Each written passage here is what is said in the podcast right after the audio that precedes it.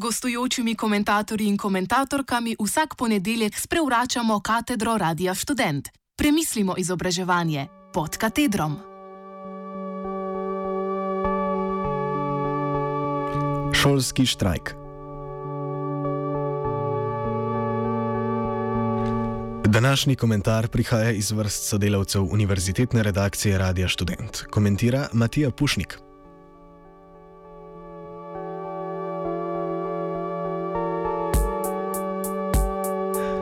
V preteklih letih in oddajah sem dosti krat pisal o apolitičnosti študentov in dijakov na ravneh samoorganizacije. Kritika, ki je po eni strani vselej vsej na vides opozarjala na apatijo naše generacije, je bila v resnici vselej uperjena zoper apolitičnost dijaških in študentskih organizacij in sindikatov širom sveta, ki so se zadnja leta ukvarjala predvsem z marginalnimi in partikularnimi problemi. Organizacije, kot so Študentska organizacija Slovenije, so se v preteklem obdobju ukvarjale s problemi, kot so, da kdaj veljajo boni, ali profesori na tej ali oni fakulteti izkoriščajo svoje študente in tako dalje.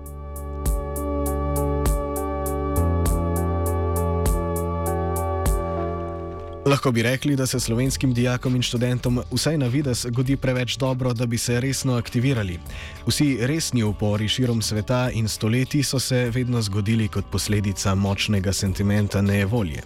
Napak bi bilo trditi, da mladi na slovenskem nimamo težav, vendar pri nejevolji in politični aktivaciji sploh ne gre za dejansko stanje razmer, pač pa predvsem za vprašanje, kaj je dojeto kot problem in kaj ni. Rečeno drugače, mladi v Sloveniji in v mnogo drugih krajih po svetu ne problematiziramo svojih vsakdanjih življenj, vrednot, svoje pr prihodnosti, pač pa jih v veliki meri sprejemamo. Posledično se nam zdi, kot da so vsi naši problemi tudi sami partikularni in nikakor eksistencialna grožnja, hkrati pa manjko problematizacije zamenjujemo za občutek varnosti in ugodje. Thank you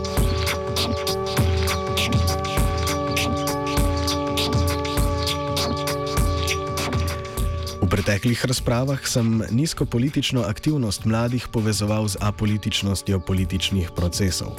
Lanske volitve v študentski zbor študentske organizacije Univerze v Ljubljani vsaj deloma pritrjujejo ideji. Udeležba je bila med najvišjimi na fakulteti za družbene vede, sklepam, da zato, ker so se na FDV modri soočili z listo ljubiteljev družboslovnih strok, krajše LDS, kar je na vides ceremonialni funkciji volitev dodalo politično in vsebinsko odločitev. Kombinacija večje angažiranosti kandidatov in večje teže odločitve je, vsaj kar se mene tiče, ključno vplivala na udeležbo skoraj štirikrat večjo od povprečja vseh fakultet.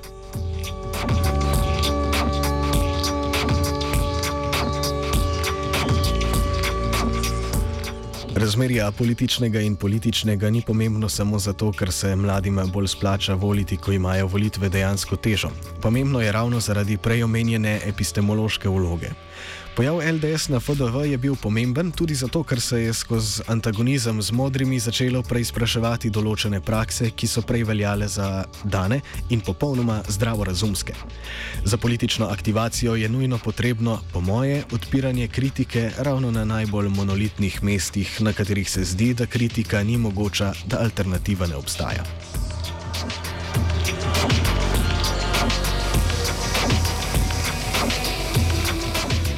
Toda kaj je ta revolucionarni diskurs okoljskega gibanja mladih za podnebno pravičnost?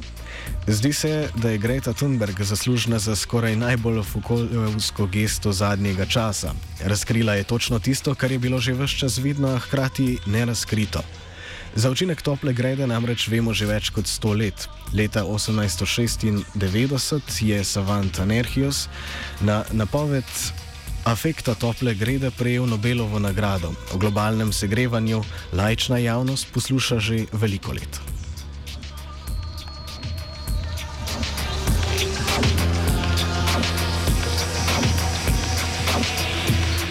Vsemu na kljub okolje nihče nikoli ni imel preveč resno. Mednarodna skupnost se s problemom varstva okolja ukvarja že več desetletij, vendar v vsem tem času glede oglikovega dioksida v ozračju ni prišlo do večjih napredkov.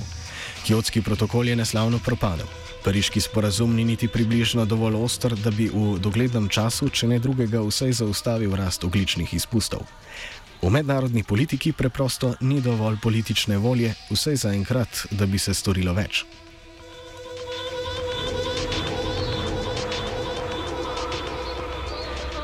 Zdi se mi, da problem nikoli ni bil toliko povezan z ljudmi, ki bi zanikali globalno segrevanje. Večina ljudi na racionalni ravni sprejme, da človeška aktivnost povzroča segrevanje planeta, kar pa drastično ne spremeni njihovega življenja.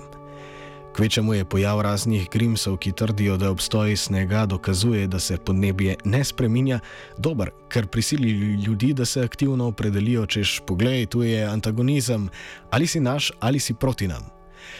Revolucionarnost gibanja mladih za podnebne spremembe torej ni v tem, da bi odpiralo kritiko dosedanjega načina družbene proizvodnje, pač pa trditev, da kapitalistična družba uničuje naš planet, opolnomoči in nadene narušilni pomen z dejanskim diskurzivnimi implikacijami.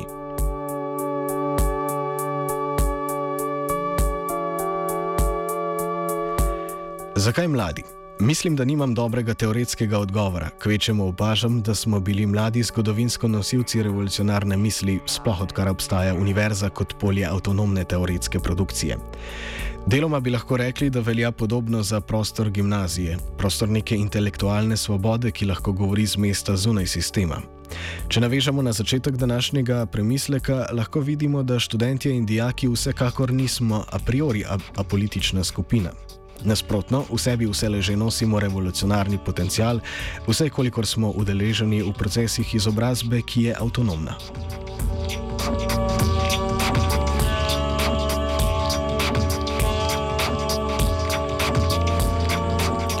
Kljub na videz lepi sliki, sem sam do gibanja skeptičen. Zdi se mi, če ravno je moja pozicija lahko označena za pokroviteljsko, da gibanje poskuša sedeti na dveh stolih. Po eni strani vse skozi opozarja, da smo v okoljsko krizo zašli zaradi ne, neodgovornega sistema ekonomske produkcije, zaradi globaliziranega kapitalizma, ki ne služi nikomor drugemu kot kapitalu, ki se plemeniti skozi ekstrakcijo vrednosti dela. Po drugi strani so zahteve naslovljene na vlado izredno reformistične. Kolikor so radikalne, vse skozi ostajajo znotraj sistema, dvignimo davek tu, regulirajmo tisto tam.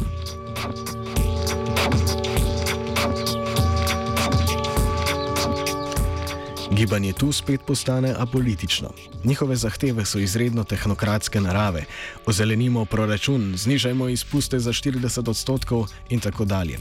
Nočem reči, da so zahteve konkretno premajhne, čež da potrebujemo 60 odstotno znižanje. Trdim, da mora biti boj za okolje predvsem boj proti kapitalizmu in se mora kot tak tudi predstavljati v svojih zahtevah. Ne o leporečenju o spremembi sistema, pač pa v konkretnih spremembah.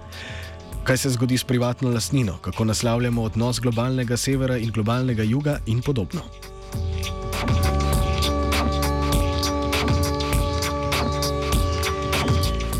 Zavedam se, da bi z radikalno levo gesto gibanje izgubilo znaten del simpatizerjev, tudi ukolikor reforma sistema ni dovolj, da rešimo problem, nam malo večje gibanje, ki se na koncu koncev bori še za eno reformo sistema, ne pomaga prav nič.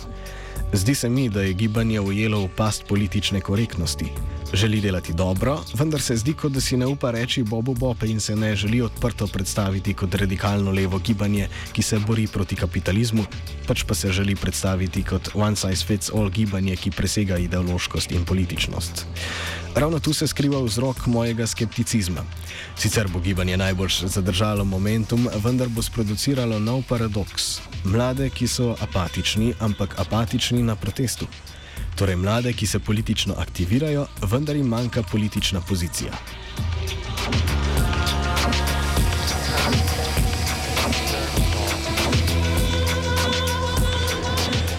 Vendar se zgodovine ne da napovedovati.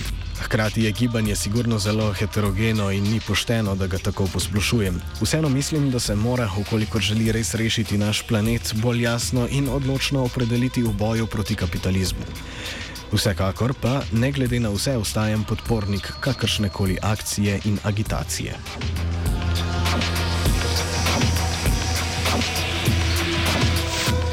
Komentiral je Matija.